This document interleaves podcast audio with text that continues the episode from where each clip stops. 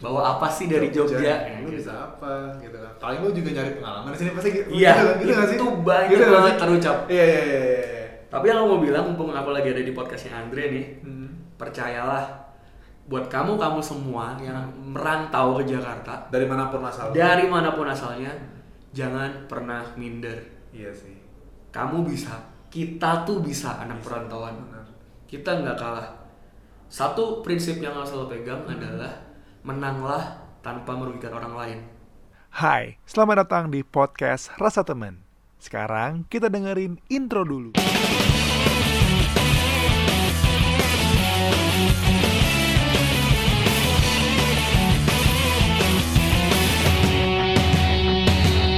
Hai, selamat datang di podcast Rasa Teman episode yang ke ke 30 35 35. Sekarang gua kembali lagi sama temen gua. Kalau kemarin udah ngobrol sama teman-teman gue dari radio dulu pas di kampus, eh, banyak nostalgia di sana. Dan sebelumnya lagi juga ada temen ngomongin hidup. Sekarang kita kembali ngomongin hidup, ngomongin hidup lagi karena sebenarnya selalu menarik kalau ngomongin hidup apalagi dari perspektif orang-orang yang mungkin kita belum pernah ketemu apa tuh kayak perspektifnya beda tuh uh, pengalaman-pengalamannya sekarang gue udah bersama Yudhistira Weh Yo, what's up, Ya. enggak enggak itu beribur anjay. Eh boleh dong Dis lo kenalin aja dulu lo siapa? Terserah sih lo perlu nggak kasih tahu lo kerja di mana tapi kalau misalnya lo nggak perlu kasih tahu nggak apa-apa.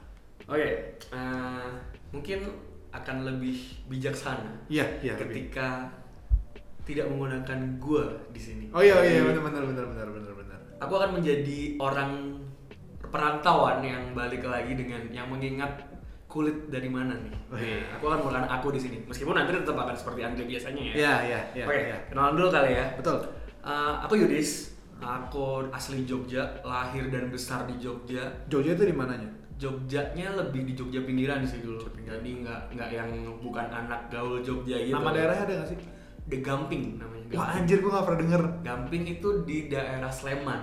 Oh Sleman gue tahu Sleman, ya. Jadi Sleman Sleman kan tahu. besar tuh. iya iya Di daerah Sleman tuh ada satu distrik namanya distrik Gamping. oh Aku dulu lahir di situ, besar di situ, pun sekolah sampai aku kuliah pun di Hmm. Jogja. Hmm. Gitu. soalnya abang gue tuh di Sleman dulu eh, asramanya namanya Santo Mikael Oh iya tahu, tahu sama nggak Michael tahu kan Tahu. Habis dia baru kuliahnya di Atmajaya Hmm. berarti lu besar eh dari, dari kecil sampai gede tuh di Jogja sampai umur Sampai umur berapa ya? Bahkan pekerjaan pertama pun masih di Jogja sih dulu. oke. Sampai umur sekitar 20 20 tahun. Eh 19 19 19 tahun. 19 tahun. soalnya gini soalnya kita nih lagi mau ngomongin um, Yudis, Yudis ini kan hitungannya kayak dia tuh ka- kayak tadi dia bilang dia kan merantau ke Jakarta. Mungkin kalau misalnya kita tanya ke orang tua kita dulu banyak nih sebenarnya yang sebenarnya merantau juga. Kayak uh, orang tua gue tuh dari Medan dua-duanya. Uh, mereka tuh kuliah tuh di sini abis kuliah langsung kerja di sini. Jadi gue nggak tahu sih apakah di apalagi untuk uh, anak-anak yang umurnya tahun lahir 2000-an atau enggak 98 99 gitu ngerti nggak sih eh, konsep perantau konsep merantau? Karena yang kalau terjadi di percakapan biasanya kayak lu asal dari mana? Kampung lu di mana? Oh gue dari eh, Medan. Tapi lu lahir di mana?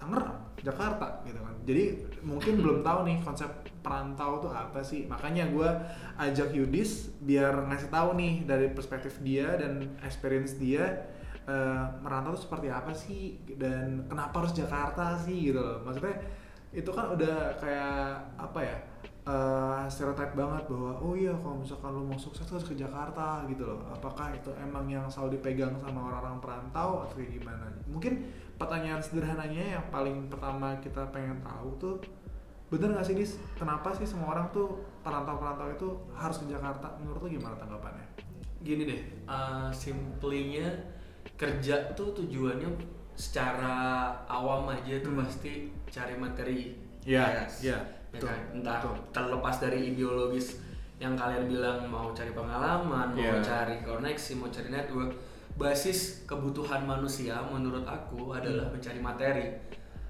Lalu kenapa Jakarta?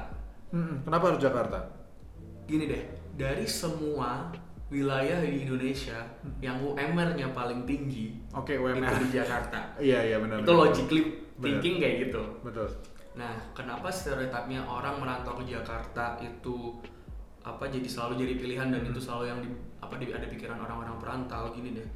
Dari zaman dahulu Hmm. banget lah yang sebelum Krismon lah sebelum Yeah. apa pun itu Hmm. yang orang punya kesempatan besar Hmm. perusahaan-perusahaan besar peluang notabene di Jakarta yang paling dapat pertama Oke. sarana fasilitas Oke. bahkan kedudukan kekuasaan pemerintahan pun basisnya di Jakarta Hmm. gitu kita nggak bilang kalau di daerah itu nggak ada ada peluang tuh ada Ada. pun banyak orang yang sukses di daerahnya Benar. cuman kalau di Jakarta ini peluangnya lebih lebar peluang chance-nya lebih gede gitu. Mungkin basisnya kayak gitu sih kalau dari aku mikirnya. Dan Karena kan itu. karena kan banyak orang yang kayak banyak mikir tuh kalau udah di Jakarta Hmm. itu mikirnya "U- udah gue pasti dapat lah segala macam. Tapi kan kenyataannya kan nggak begitu. Enggak, enggak. maksudnya kayak banyak yang harus lo pikirin. Oke lah misalkan lo dapat kerja eh, di mana pun itu. Tapi kan kayak cost di sini maksudnya eh, biaya maksudnya biaya lo hidup sini kan juga nggak kecil. Itu kan pertimbangannya kan sebenarnya kan eh, harus matang banget kan ya untuk lo bisa benar-benar mau ke Jakarta. Bahkan yang gue kenal banyak orang-orang yang emang dia ready di Jakarta tuh karena misalkan dia punya jalur prestasi. Misalkan dia kuliahnya sepintar itu akhirnya dia punya beasiswa habis itu dia dapat kayak rekomendasi akhirnya dia bisa keterima segala macam ke uh, kantor-kantor bagus gitu lah. Tapi kan nggak sedikit juga nih teman-teman kita yang mungkin pembekalannya nggak sebegitu oke tapi dia cuma modal nekat. Lo tuh bagian yang mana? Kalau aku lebih ke dulu honestly speaking sangat takut untuk ke Jakarta. oke apa tuh ketakutannya Pertama nih, dulu ada banyak kesempatan yang ditawarkan aku buat pindah ke Jakarta Mm-mm. dari awal dari sebelum lulus kuliah bahkan. oke Cuman uh, mungkin aku tidak seberuntung orang-orang yang punya basis keluarga yang berkecukupan. Mm-mm. Jadi aku lahir di keluarga yang sangat-sangat sederhana. Mm-mm. Terus di tengah perjalanan dengan keluarga aku saat aku kuliah itu sempat ada kolaps segala macem. Mm-mm. Pun sampai sekarang masih struggle untuk bertahan. Yep. Nah, jadi ceritanya waktu masa kuliah, aku tuh sudah merintis untuk cari uang sendiri untuk membiayai kuliahku dan apa pun kebutuhan yang aku mau. Dengan cara? Dengan cara ikutin lomba yang ada hadiah uangnya tapi nggak banyak orang yang ikutan. Seperti apa? Lomba. Lomba apa? Lomba advertising lomba video lomba print oh ad oke.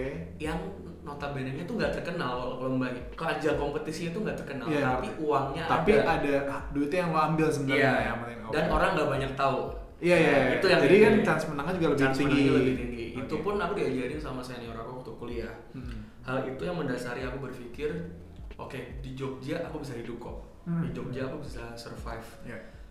nah seiring berjalannya waktu tuh kuliah terus ikut lomba sana sini Hmm.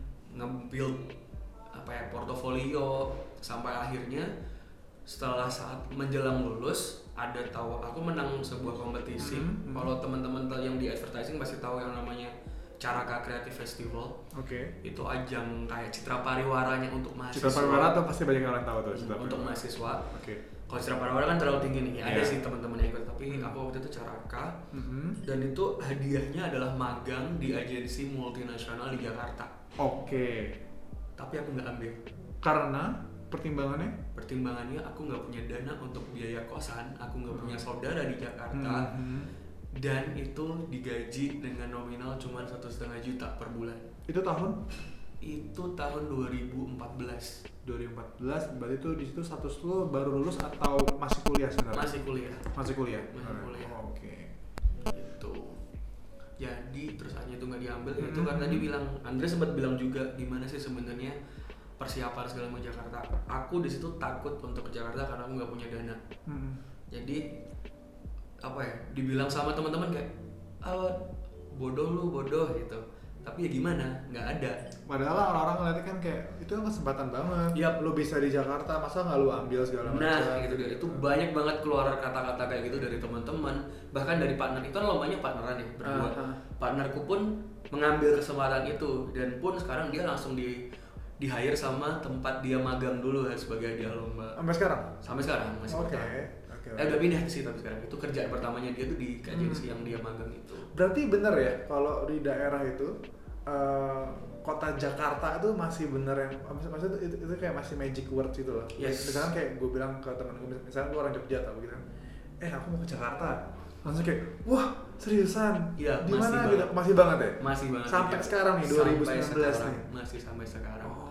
Kecuali Kecuali, kamu lahir di keluarga yang punya bisnis di daerah Oh, tersebut oke. punya network yang bagus untuk jadi, jadi udah biasa. itu udah nggak masalah Oh ya udah pastilah gitu lah. Ya. tapi buat orang-orang yang merintis orang-orang yang bener-bener nggak dari nol berangkatnya Hmm. Jakarta tuh masih jadi opsi paling pertama bahkan kalaupun orangnya seambisius itu Hmm. Jakarta dan ke luar negeri Oke, ada nggak teman lo? ada Ke mana? ada salah satu temen dia mengejar mimpinya ya, bahasa bahasa Iya, iya, mengejar mimpinya mengejar itu mimpi. dia batu loncatan pertama dia di Jakarta dia kerja di konsultan PR gitu Hmm. dan sekarang saking ambisnya dari desa tapi pinter banget sih anaknya Hmm. dan sekarang dia kerja di Google Oh, Singapura wow. Gue Singapura tuh nggak main-main sih. Iya. Soalnya kan kalau misalnya kalian yang nggak tahu ya mungkin Google tuh kan sebenarnya ada yang di US, ada yang di beberapa Eropa segala macam. Tapi kalau misalkan untuk Asia, ya itu pusatnya di Singapura. Singapura Jadi itu wah sih, Wah itu wah banget sih. Itu salah satu mimpi lu nggak sih bisa kerja di sana? Iya. Atau enggak? Ah, Kata kayak ya udah malah enggak sih enggak aja ya. enggak sih So, eh, kalau misalkan mi- anggaplah lu nggak berhasil di Jakarta, maksudnya kemarin itu lu benar-benar nggak ambil Jakarta, lu akan ke mana? Apakah lu akan di Jogja aja, lu bikin usaha kayak atau nggak lu kerja secara normal kayak gini tapi di Jogja? Atau sebenarnya ada nggak sih kayak ya kalau misalnya mau ke Jakarta gue mau ke sini sih misalkan let's say kan kita punya kota gede kan ada Surabaya Hmm. ada Medan Hmm. ada segala macam ada nggak kayak kepikiran dulu tuh Oke, sebelum ke situ Hmm. pun sebenarnya sebelum aku memutuskan untuk ke Jakarta, aku sempat ada di zona nyaman di mana aku bekerja di sebuah agensi lokal dengan klien Jakarta oke yang jadi intinya produksinya di Jogja dan aku bekerja di situ agensi kecil tapi di situ aku nyaman banget aku belajar banyak Oke. aku punya kesempatan buat gimana negosiasi dengan klien sekelas multinasional di Jakarta tapi tetap ada di Jogja Mm-mm. tapi yang membuat aku akhirnya nggak nggak bisa gini terus Mm-mm. karena apa ya kalau teman-teman tahu Jogja itu UMR termasuk paling rendah di seluruh Indonesia Gue rasa gak banyak yang tahu sih. Lu mau kasih tau limitnya nggak? Eh apa digitnya nggak? UMR di Jogja cuman satu setengah terakhir aku kerja itu di kota Jogja Tahun?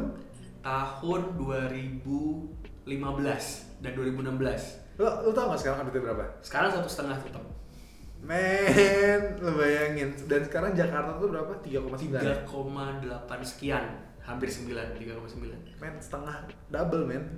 Jadi Double kayak lebih bahkan bahkan lebih, Lebih. double dan lebih gitu loh. Tapi bener nggak kalau misalnya gue bilang, ini kan gue sebagai orang yang bukan di Jogja ya. hmm. Bener nggak kalau misalkan dengan satu setengah juta sebenarnya untuk orang-orang yang bekerja secara normal, Hmm. bukan belum belum berkeluarga tentunya, Iya. masih single dan masih semuanya sendiri dan mungkin masih ada keluarga di sana juga, sebenarnya cukup. kalau bilang cukup cukup Cukup untuk makan. untuk kebutuhan sehari-hari itu sangat cukup tapi untuk saving Betul. investasi Betul. nggak ada Betul. sama sekali Makanya di Jogja itu setahu gua masih banyak yang kayak karena kan mereka juga masih masih ter- terhitung kota pariwisata kan. Yap. Jadi masih banyak juga yang misalkan dia kuliah atau nggak dia udah kerja pun side job juga banyak. yes benar Kayak dia jadi tour guide, Hmm. dia jadi mungkin uh, musisi mungkin atau enggak penyiar. Penyiar tuh banyak banget yang yang gua tahu dari Di di, di, Jogja. di Jogja tuh Iya. penyiar tapi sebenarnya kerja juga. Hmm. Jadi kayak at least tuh kalau yang gua pikir secara orang uh, awam ya di Jogja tuh lu minimal harus punya dua kerjaan lah. Yes, Un- benar. untuk sebenarnya menggenapi UMR yang ada di Jakarta. Iya benar, itu Benar ya? masih men- menggenapi. Bener Untuk kan? Iya untuk menggenapi aja. Itu tidak mungkin. Itu pun udah mati-matian kan. Maksudnya lu gimana lu bagi-bagi jamnya. Iya. Ya kalau kalau siaran tuh masih oke lah. Kalau karena gue dulu pernah siaran, misalkan lu punya program ya dua jam atau nggak empat jam, sisanya lu bisa cari tempat lain. Tapi kan kalau lu yang kerja harus 9 to 6 atau nggak 9 to 5 Abis lu harus siaran lagi, berarti kan lu hampir kayak nggak punya, lu, lu kan hampir kayak nggak punya ruang untuk benar-benar kayak hidup normal. Misalnya kayak ketemu teman lu hangout itu kayak hampir gak ada. Bahkan sabtu, sabtu minggu pun dihajar kan Mm. sama orang-orang yang kayak ya emang gimana ya gue butuh gitu kan. Yes, gue apa apa harus duit segala macam and ya gitu. Jadi ya oh ya itu men. Jadi lu harus belajar bersyukur lo ini Jakarta lo walaupun masih fresh grad lu bilang kok gue cuma 5 juta? Oh, lu bangsat 5 juta tuh gede boy. 5 juta tuh lu bisa at least lu dengan lu tidak mengurang lu tidak tiap hari beli boba dan Starbucks lu itu sebenarnya lu bisa banyak saving banget men. Misalkan lu punya 5 juta let's say ya. Lu, langsung aja lu save 2 juta atau atau 3 juta 2 juta tuh lu, lu bisa hidup men sebenarnya gitu. Dan lu bisa nabung. Tapi kan orang sekarang kan mikirnya kan yang penting kan eh, memuaskan diri dulu. Ya, tanpa itu dia. memikirkan biar lu di depan eh di jauh sana tuh lebih nyaman atau nggak lebih apa biar lebih aman lah. Karena nabung tuh kayaknya masih banyak yang kayak ntar deh ntar deh. Ya karena mungkin orang-orang kayak gue gini maksudnya lu di Jakarta terus lu belum tinggal sendiri istilahnya lu masih makan bisa di rumah. Ya misalkan duit lu habis eh, ntar di rumah juga ada makanan gitu kan. Bener. jadi mungkin orang-orang kayak gue dan mungkin yang belum sadar kayak gue ya kalau gue sih udah mulai sadar maksudnya udah mulai lah nabung segala macam tuh ha- harus wajib gitu loh. Karena kalau misalkan paling gimana tapi banyak yang eh, berpikir tuh kayak terlalu apa ya kan orang sering ngomong kayak yolo yolo apalah segala Nah, iya, macam. bisa, bisa. tapi konsep itu tuh benar-benar diterapin ke lifestyle dia.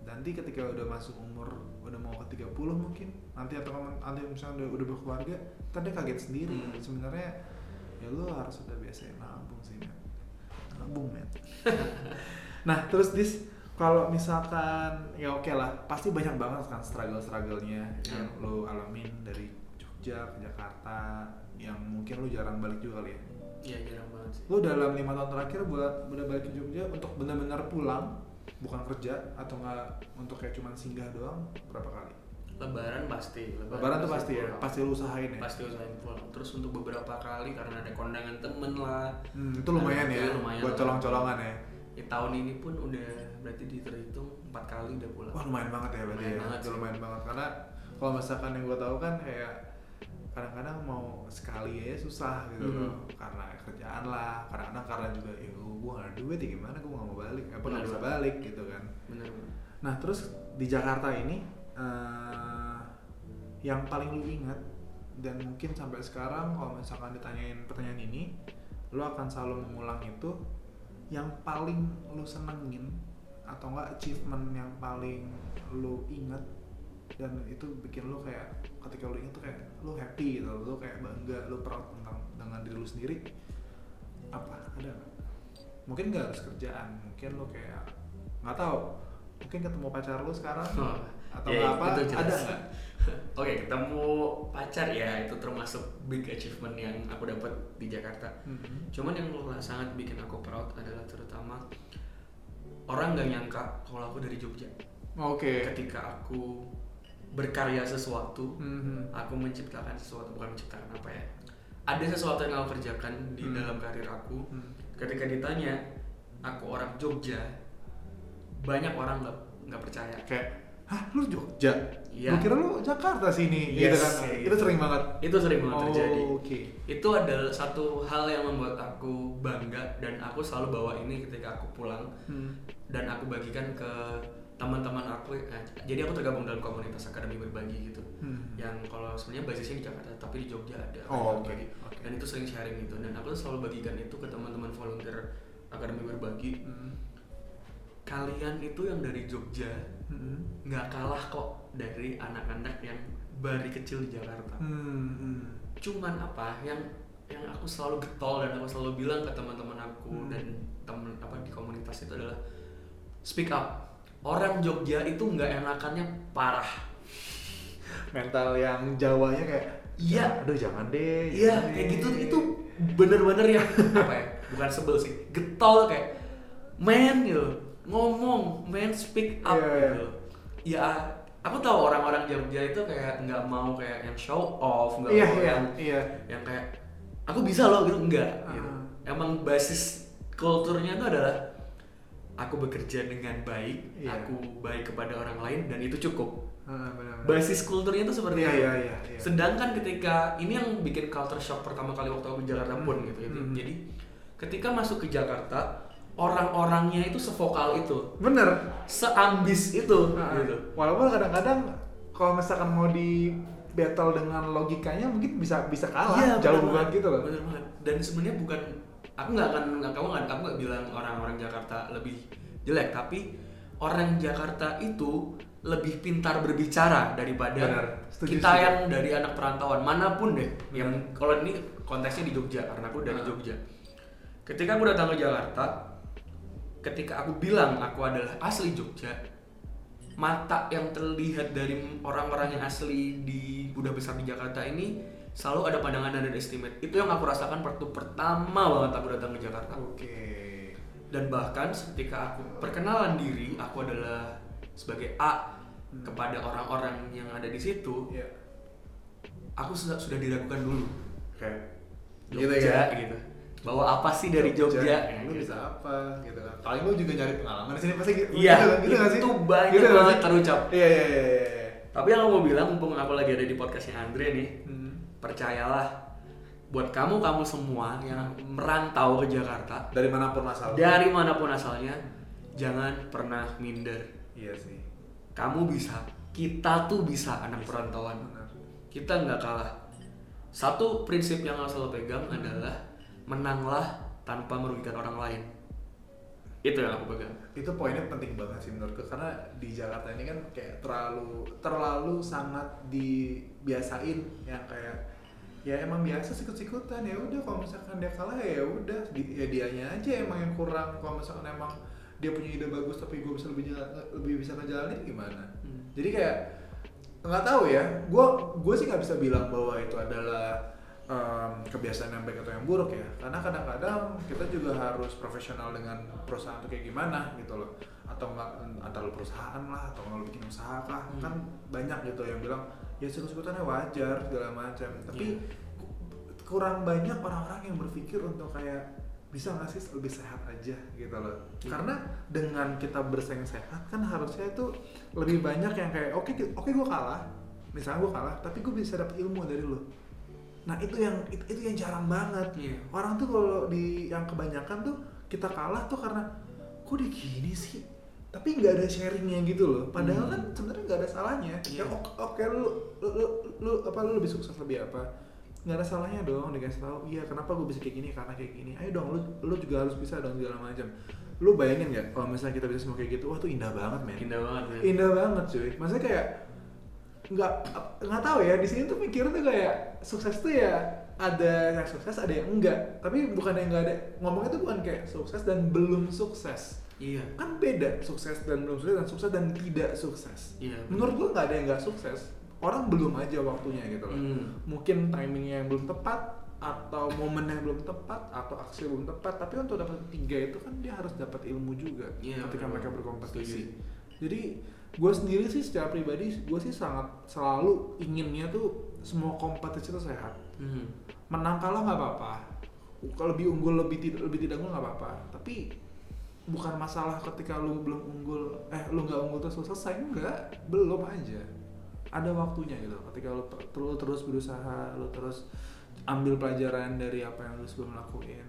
Terus eh, dan motivasinya bukan untuk mengalahkan mengalahkan orang gitu. Iya benar motivasinya ya karena memang pengen berkembang.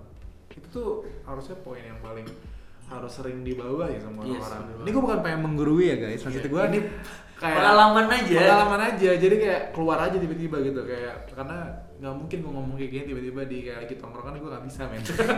Ini karena kayak gini lah. Ya kenapa gue bikin podcast ya ini gitu. Karena gue nggak mungkin tiba-tiba di tengah-tengah jalan tiba-tiba gue ngomong kayak gitu kan kayak tapi lu sehat. Nanti gue digituin lagi.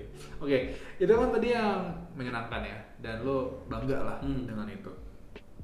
Nah kalau yang paling acrut nih yang paling sedih banget di luar mungkin yang tadi ada orang bilang nge-framing lo ah orang Jogja bisa apa sih? Macam. Ada nggak yang paling menyakitkan dan yang pas lu inget tuh kayak somehow kadang-kadang bisa bikin lo kepecut semangat tapi kalau misalnya diingat lagi kayak aduh waktu itu gue down banget sih dengan dengan dengan dengan dengan kejadian itu gitu loh.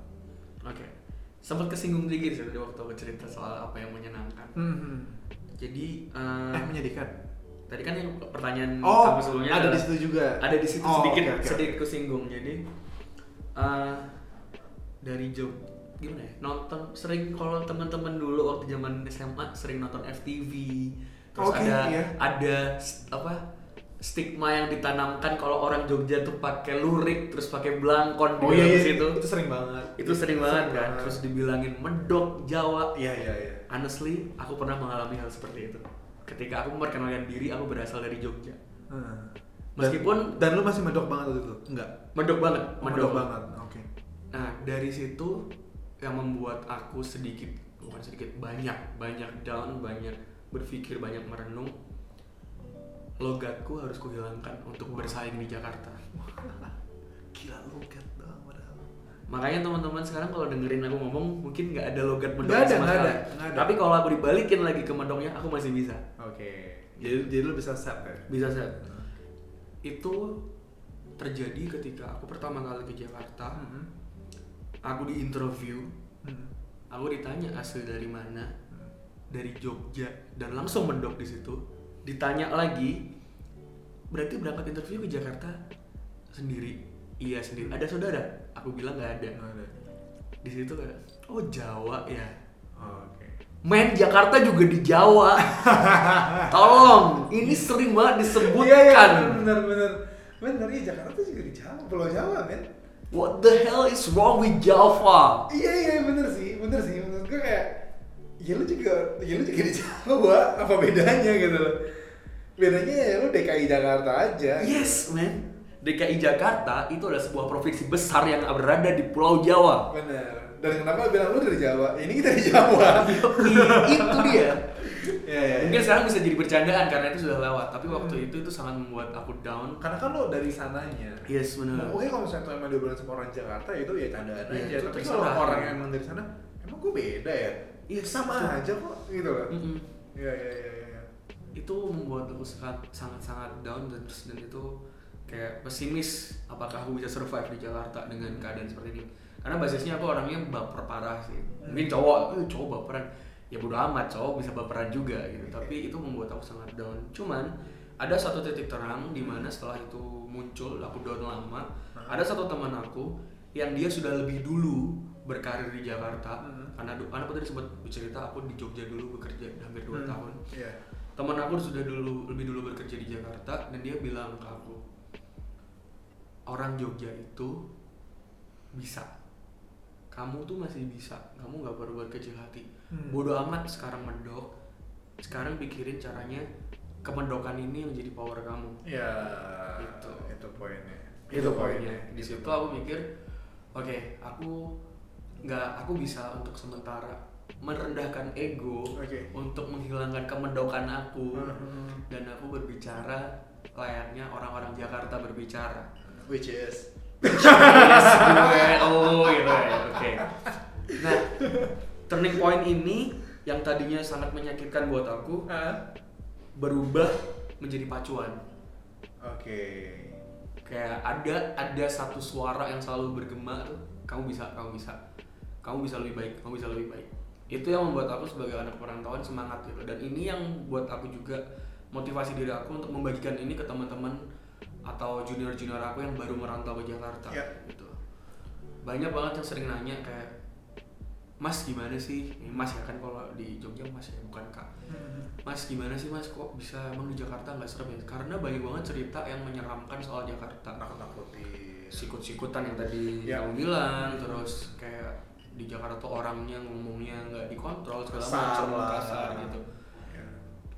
Tapi aku balikin lagi ke mereka. Di Jogja juga ada orang begitu gitu. Itu nggak menutup kemungkinan. Cuman di Jakarta emang kesannya serem karena kita merantau. gitu. Iya.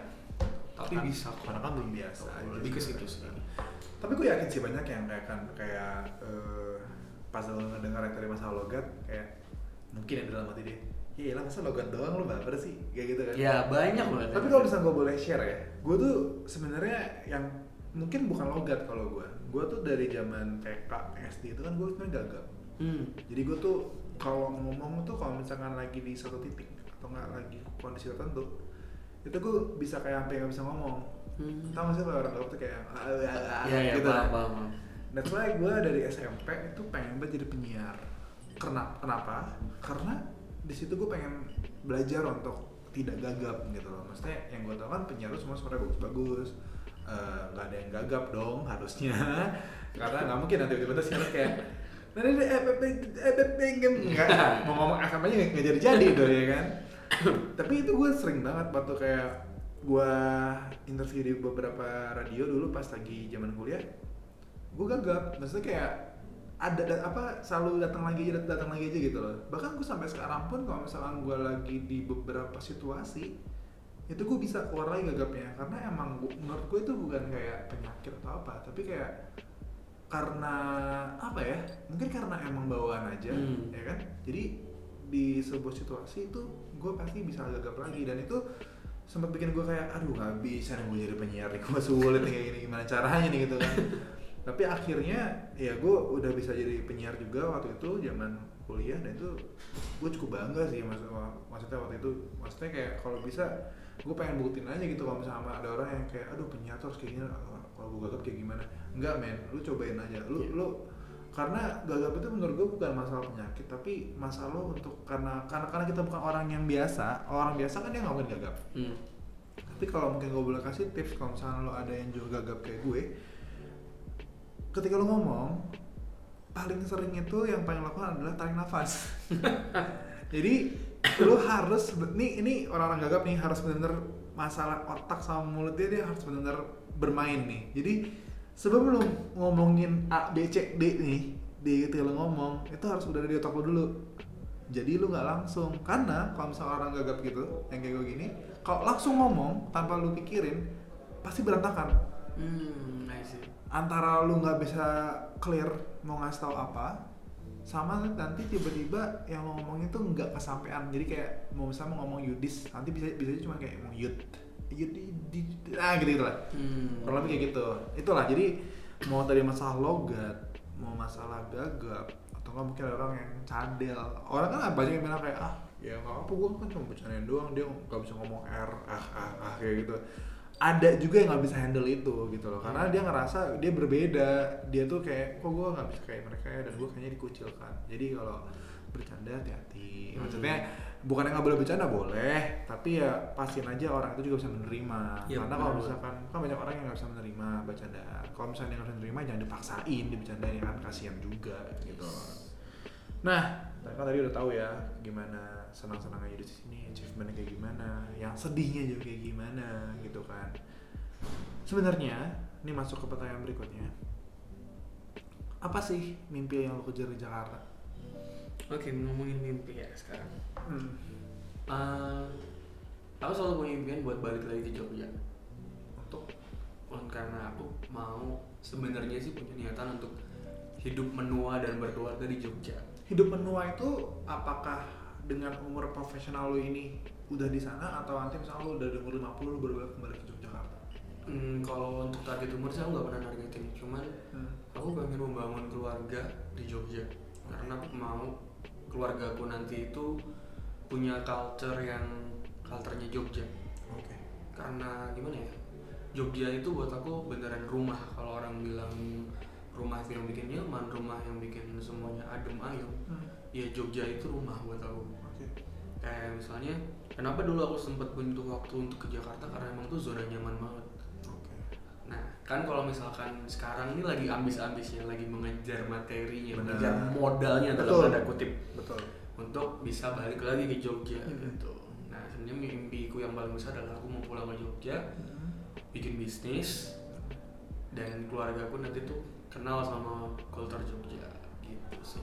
Mimpi yang paling besar tuh. berarti lo akan bawa pacar lo yang sekarang kalau misalkan amin amin, ya kan Amin. berjodoh Amin. emang nanti akan serius ya kan berarti lo akan bawa dia dong Ya, kemungkinan sih akan balik ke Jogja. udah pernah ada obrolan itu sebelumnya Sudah. Oh, sudah. Cuman masih Ya, gunjang ganjing. gunjang ganjing lah ya. Gunjang ganjing. yang penting udah ada plannya Ada. udah ada plannya berarti lo kalau misalkan nanti di sana apakah ketika nanti lo udah di sana amin amin juga usahanya sudah berjalan segala macam dan nanti lo udah punya anak ketika anak lo itu sudah ada apakah lo akan keep dia di Jogja atau dibiarkan keluar? Entah di Jakarta entah di luar negeri entah atau lo gimana? Aku Kepikirannya kayak gimana Kepikirannya nih. sekarang kayak gimana? Plannya yang ada nggak tahu nanti realisasinya. betul. Rencananya ya aku nggak aku mau basis dia punya tahu dulu culture Jogja gimana, unggah ungguh atau sopan santun tata krama di Jogja itu gimana. setelah dia paham dan dia bisa menerapkan itu ke keluarganya dan teman-temannya baru aku bebaskan dia untuk memilih Oke. mau ke mana aku tidak akan membatasi opsi dia yang jelas sampai dia paham betul gimana memperlakukan orang lain dengan culture yang baik Hmm. ya, karena aku percaya Jogja culture-nya baik soal Ya. itu Ya. baru akan aku lepas dia Oke. Terser- terlepas dari pilihannya dia mau keluar negeri ke Hmm. mau Mau di kerja Jakarta kayak, Jakarta kayak mau di Kalimantan kayak kan? yes Kita udah pindah kan? nah, eh, ibu kota pindah ya? Siapa tahu kan? Iya, Siapa tahu nanti Kalimantan sudah gede banget kayak Jakarta, udah banyak uh, Pacific Place di Iya. sana. Maksudnya kita nggak pernah tahu. Kan? Iya, itu terserah terserah gitu Oke. Sebenarnya gue ada satu pertanyaan lagi sih, tapi gue nggak tulis di sini. Tapi gue nggak tahu gue apakah boleh nanyain atau enggak ya. nih Um, gue tanya atau enggak ya? Bingung juga gue. Tanya-tanya aja bang Um, Oke lah. Um, gue nanya ini sih ke Dira. Jadi episode pertama gue dengan tamu itu sama Dira. Dira. Nah, gue masih nyebut. Gue tadi mau nyebut udah mau nyebut aja. Di mana dan di mana kantornya. Tapi anyway. Uh, apa yang udah lo lakuin sekarang? So far. Ya. Yang udah lo lakukan sekarang Hmm. dari lo zaman Jogja sampai sekarang udah berkarir di Jakarta. Hmm. Eh, gue pengen nanya dulu eh, sebelumnya. Orang tua masih ada semua? masih Masih ada semua ya. Em, menurut lo, menurut lo, menurut lo apa yang udah lo karyakan sampai sekarang udah cukup nggak buat mereka untuk buat mereka bangga sebenarnya? Aduh, ini sedikit sedikit sedikit. Iya. Iya, gak bak bak- bakal aku jawab. Bakal Makanya tadi gue kayak Iya. masih mikir udah gue tanya atau enggak ya. Oke, Gitu. bakal aku jawab tuh. Tapi lu ini ini ini benar lu eh, nggak kalau misalkan lu nggak perlu kayak ngasih tau detail, maksud gue kayak Oh iya. eh, sesuai yang lu mau aja. Oke. Kalau teman-teman merhatiin dari awal tadi, aku juga sempat singgung kalau keluarga aku itu uh, berada di tempat yang apa ya, nggak nggak nggak apa ya, da, uh, terlahir dari keluarga yang cukup sederhana. Pun itu pun yang akhirnya membuat aku untuk memberanikan diri hijrah ke Jakarta adalah aku perlu memenuhi kebutuhan keluarga all dari orang tua sampai adik-adik aku Hmm. karena aku anak pertama Iya. kalau ngomongin ngebanggain sih aku nggak tahu itu di mereka sudah cukup bangga atau enggak tapi yang aku rasain aku belum cukup. Aku masih belum belum cukup untuk bikin semua bahagia keluarga kecilku yang dari orang tua dan adik-adikku ini dianggap layak lagi oleh lini keluarga besarku. Karena gimana ya? Uh, turning point di hidupku yang paling besar adalah saat keluarga aku jatuh dan yang ngebangkitin ini pun yang harus berusaha pun adalah aku Hmm. sampai di titik ini kalau teman-teman mungkin aku bisa cerita cerita sama teman-teman yang dengerin keluarga aku masih belum stabil sampai titik ini jadi aku masih merasa apa pun yang aku lakukan sekarang ini masih belum cukup jauh dari cukup Hmm. ngomongin ngebanggain lah, ngomongin memenuhi kebutuhan mereka lah, itu jauh belum cukup. Tapi yang selalu berusaha, setiap mereka butuh, aku ada. Apa pun itu, material, batin, support, motivasi. Saat mereka butuh, aku ada. Dan aku harus, ah, ini motivasi buat aku sendiri ya. Aku harus menjadi sosok yang mengangkat derajat keluargaku di mata keluarga besar. Oke. Ya, lebih ke situ sih intinya. Tapi padahal sebenarnya orang tua nggak ada pressure kan ke ke orang tua nggak ada pressure semenjak aku menjadi tulang punggung mereka Oke. jadi semua diserahin ke aku. Tapi pun mereka tidak tinggal diam mereka juga berusaha dengan cara mereka sendiri dan ya So- segala macamnya So itu eh, berarti sebenarnya bokap bokap dan apa orang orang tua lu di Jogja juga sebenarnya masih punya ada bikin usaha segala macam juga. yes masih masih berjalan Oke. gitu Oke, oke, oke, nice, nice one, nice one. Karena gue kalau nanyain itu gue selalu kayak bingung sebenarnya. Gue gue gue kelewatan nggak sih nanyain orang ke sini, Nggak, tapi kayak santai. anyway. Oke, ini udah masuk yang terakhir sih sebenarnya. Oke. Jadi ini singkat aja dis. gue nggak tahu. Gue sih percaya semua orang tuh ada kata-kata atau enggak ucapan atau enggak omongan yang dia tuh nggak bisa omongin di luar sana gitu.